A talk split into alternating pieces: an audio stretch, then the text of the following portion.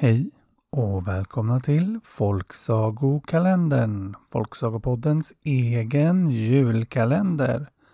Där vi i år tar oss ut i världen med alfabetet som reseledare. Och idag är det 4 december vilket gör att det blir den fjärde bokstaven som är A, B, C, D.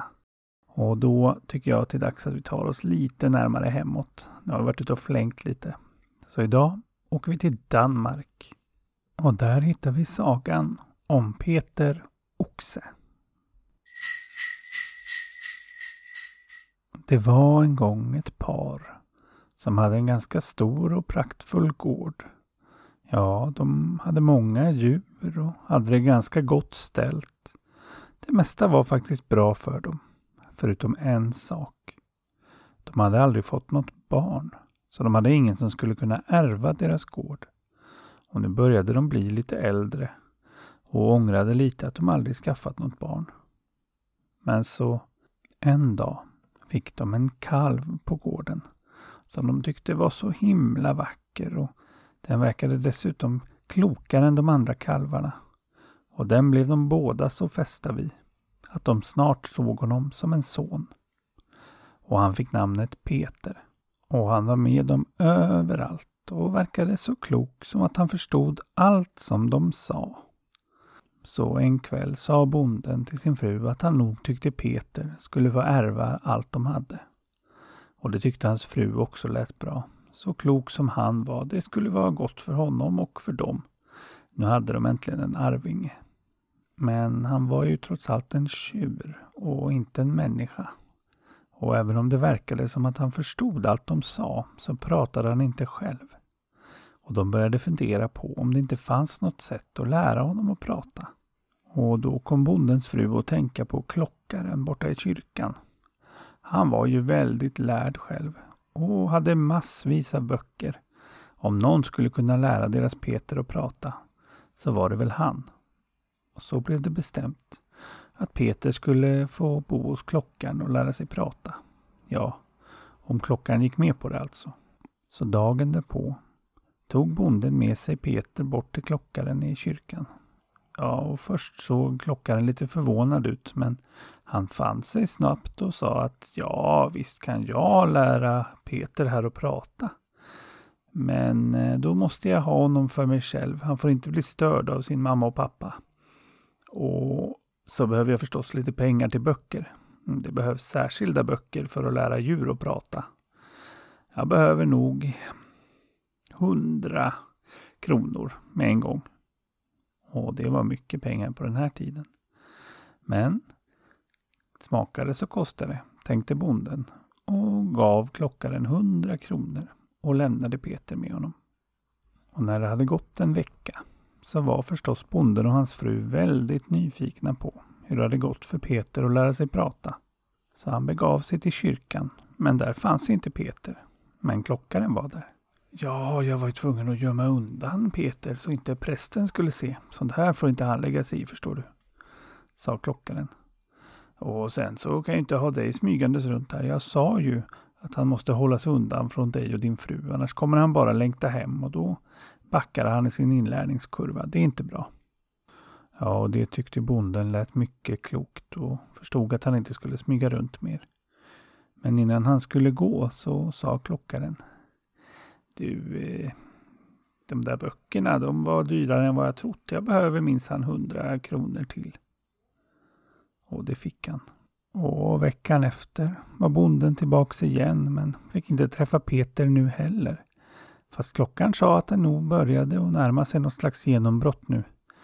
Nu hade romanderna låtit lite mer som ord. Men det var förstås svårt att höra när det var danska och allt. Och så behövde han hundra kronor till, till lite fler böcker. Ja, nu började bonden känna att det här var väldigt dyrt, men det gällde ju hans arvinge. Så han gav klockaren hundra kronor till. Men efter det bestämde han sig för att hålla sig borta ett tag. För det verkade bli dyrt att gå och kolla till Peter så ofta. Men så efter några veckor så kom klockaren och knackade på hemma hos bonden och hans fru. Nå, är Peter här? frågade klockaren. Men bonden och hans fru förstod ingenting. Peter är med dig, sa han. Ah, då har han rymt gud vet var. Eh, vi skulle ta en promenad förstår ni och öva på att säga namnet på olika blommor. Men då glömde jag käppen och skulle gå in och hämta den och när jag kom ut igen, ja då, då var han försvunnen så jag tänkte att han sprungit hit. Men jaha, nej, då vet jag inte riktigt var han har tagit vägen. Ut i världen kanske med sina nya språkkunskaper. Sa klockaren som eh, verkar ha blivit ganska mycket fetare på de här veckorna. Ja, nu ska väl jag gå då, sa han sen och vände sig om. Men eh, förresten, jag ligger ute med några hundra kronor här nu för böcker jag behövt köpa. Det är dyrt förstår ni. Men nu sa bonden att han faktiskt inte ville betala så länge Peter var borta. De hade lämnat honom i klockarens ansvar. Ja, klockaren blev nog lite sur men gick därifrån. Men veckan efter, då var han tillbaks igen med en tidning i högsta hugg. Och i den visade han att det stod att en ny köpman hade flyttat in i staden och tänkte börja göra affärer där. Jaha, sa bonden och hans fru, vad är det med det då? Ja, men titta på vad han heter, sa klockaren. Peter Oxe. Ja, det förstår ni väl att det måste ju vara eran Peter.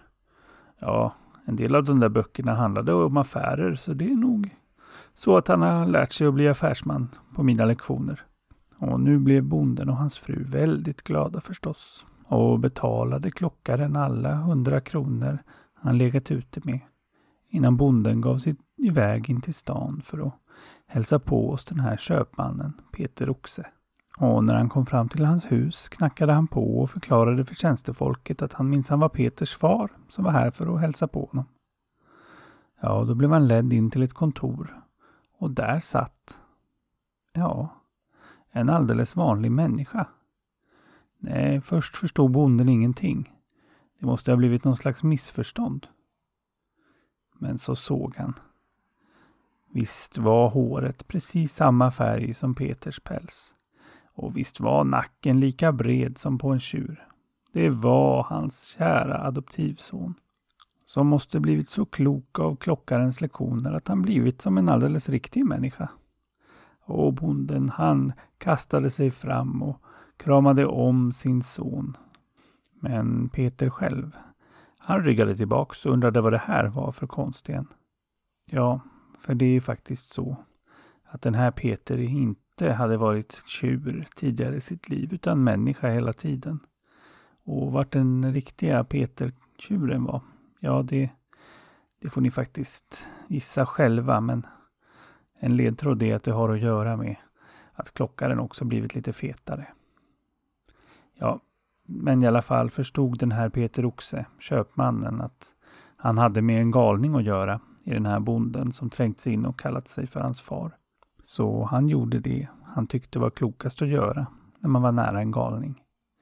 Han höll sig lugn och var vänlig och hälsade på den gamle bonden och undrade vad han hade för ärende.